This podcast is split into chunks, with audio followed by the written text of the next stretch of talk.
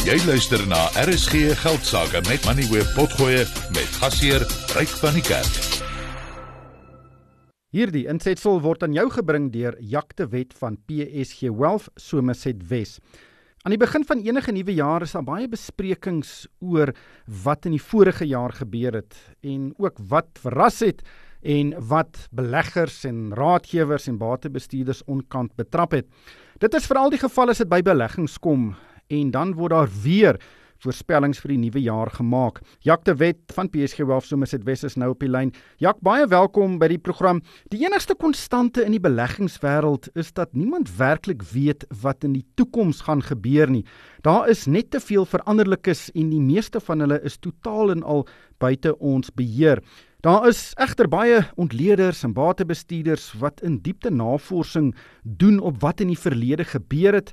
Dink jy dis steeds die beste manier om te probeer voorspel wat ons in die toekoms kan verwag? Dis natuurlik belangrik om 'n mate van vooruitskattinge te maak en navorsing is belangrik veral om te bepaal hoe en waarin jy moet belê, natuurlik gebaseer op elke individu se eie doelwitte en omstandighede.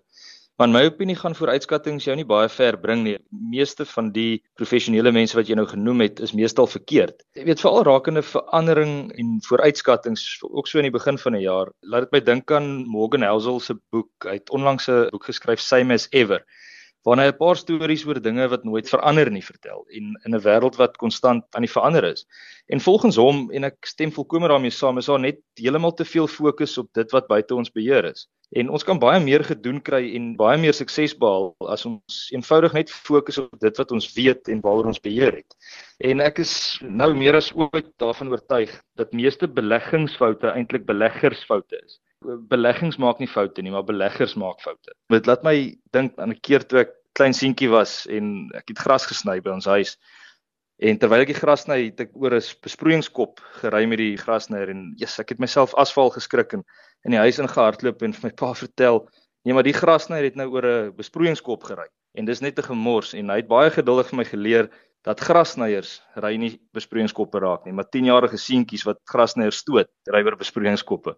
Dieselfde ding gebeur wanneer dit kom by beleggings. As ons nie eenvoudig ons navorsing en ook mate van vooruitskattinge gedoen het nie, met ander woorde probeer bepaal het waar hierdie besproeiingskoppe is nie en daarmee saam tree ons nie reg op nie. Met ander woorde ry met die grasnyer oor die besproeiingskoppe, dis ons geneig om sekere resultate te kry. Ons gaan nie die grasperk gesny kry nie. So ons kan nie enige belegging blameer vir ons besluit nie. Op 'n punt moet ons verantwoordelikheid aanvaar, want anders sal ons net aanhou om dieselfde foute te maak.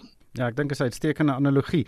So wat bly dan dieselfde? Waarop moet beleggers fokus? Eerstens as ons kennis opdoen oor dinge wat wel dieselfde bly, gee dit natuurlik vir ons die vermoë om anders te dink oor risiko, geleenthede en ook hoe om die onsekerheid van die toekoms te hanteer. Om die vraag te beantwoord wat bly dan nou dieselfde? Daar's heelwat dinge, maar as ek 'n paar goed kan uitsonder, die eerste een wat in my gedagtes inkom is groeibates soos aandele, beide plaaslik en in die buiteland, presteer eenvoudig oor lang tydperke beter as konservatiewe bates soos byvoorbeeld geldmark. Dan natuurlik belasting, dit sal altyd daar wees. En SARS gaan waarskynlik nooit besluit om die lewe vir ons as belastingbetalers makliker te maak nie. So die bal is in ons hande om belasting effektief te belê. En daar's baie maniere. Nou voor die belastingjaar eindig einde Februarie is uitreaniteit bydraes en belastingvrye beleggings op die voorgrond, maar daar's soveel meer wat gedoen kan word om belasting effektief te belê. Dan marksiklusse.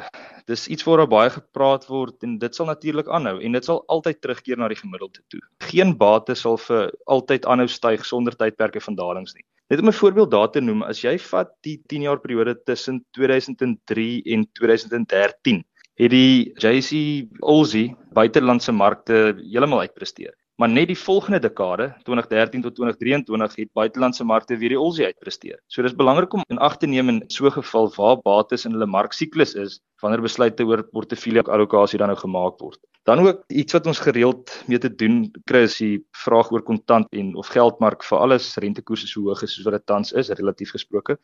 Kontant en geldmark is nie 'n langtermynbeleggingsopsie nie en 'n mens kan wel roekeloos konservatief wees daarmee en sodoende permanente skade aan jou portefeulje aanrig. En ek dink dit laastens die ou geuite uitdrukking tyd in die mark en ek dink nie ek hoef veel meer as dit te sê nie. Ons praat gereeld daaroor en dit sal natuurlik ook nooit verander nie.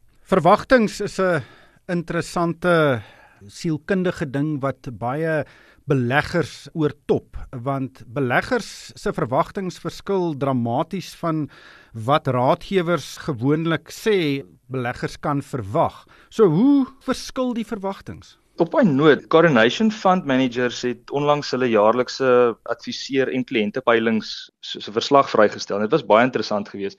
So dis 'n peiling wat hulle doen onder raadgewers enerzijds en anderzijds onder kliënte. Ek gaan nou nie die hele verslag gaan nie, maar dit was verskriklik interessant. Van die bevindinge wat vir my uitgestaan het in daai peilingsverslag is die verskil in opbrengsverwagtinge van kliënte en die van raadgewers is glad nie belyn.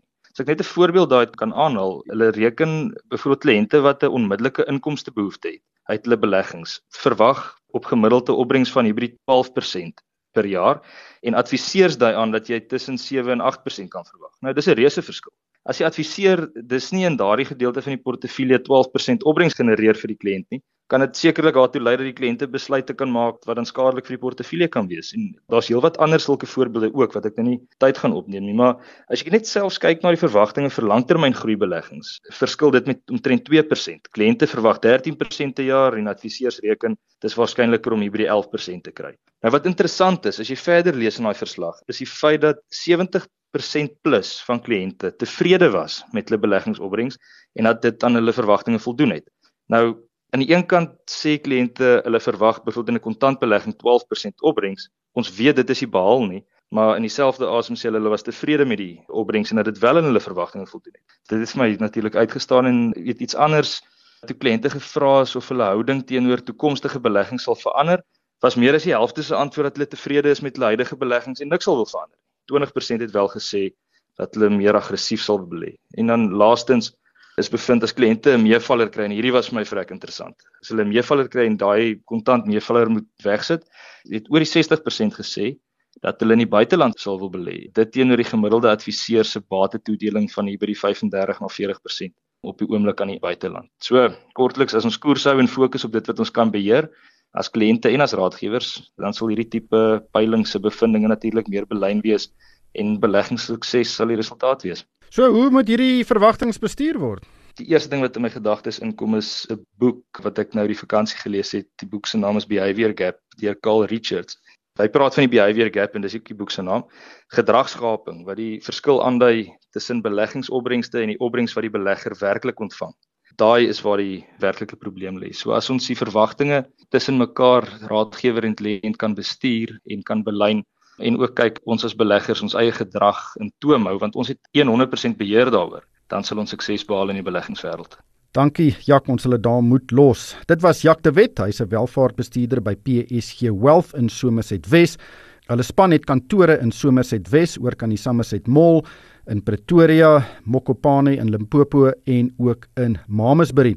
Hy of sy vennote, Hein Haffinga en Servaas Haasbroek kan gekontak word by 021 08513353 of stuur 'n e-pos aan jak.dw@psg.co.za. Moenie op geluk staat maak om jou finansiële doelwitte te bereik nie. Jy het 'n weldeurdagte plan en kundige advies nodig om jou doelwitte te verwesenlik. PSG Wolf se spankundiges sal elke aspek van jou lewe oorweeg en vir jou 'n nommerpasplan aanbeveel wat jou sal help om jou langtermyndoelwitte te bereik. Besoek www.psg.co.za vir meer inligting. Geaffilieerdes van die PSG Konsultgroep is gemagtigde finansiële diensverskaffers. Jy het geluister na RSG Geldsaake met Money where potgoe elke weeksdag om 7 na middag. Vir meer Money where potgoe, besoek moneyweb.co.za of laai die toepassing af en volg Moneyweb News om dagliks op hoogte te bly.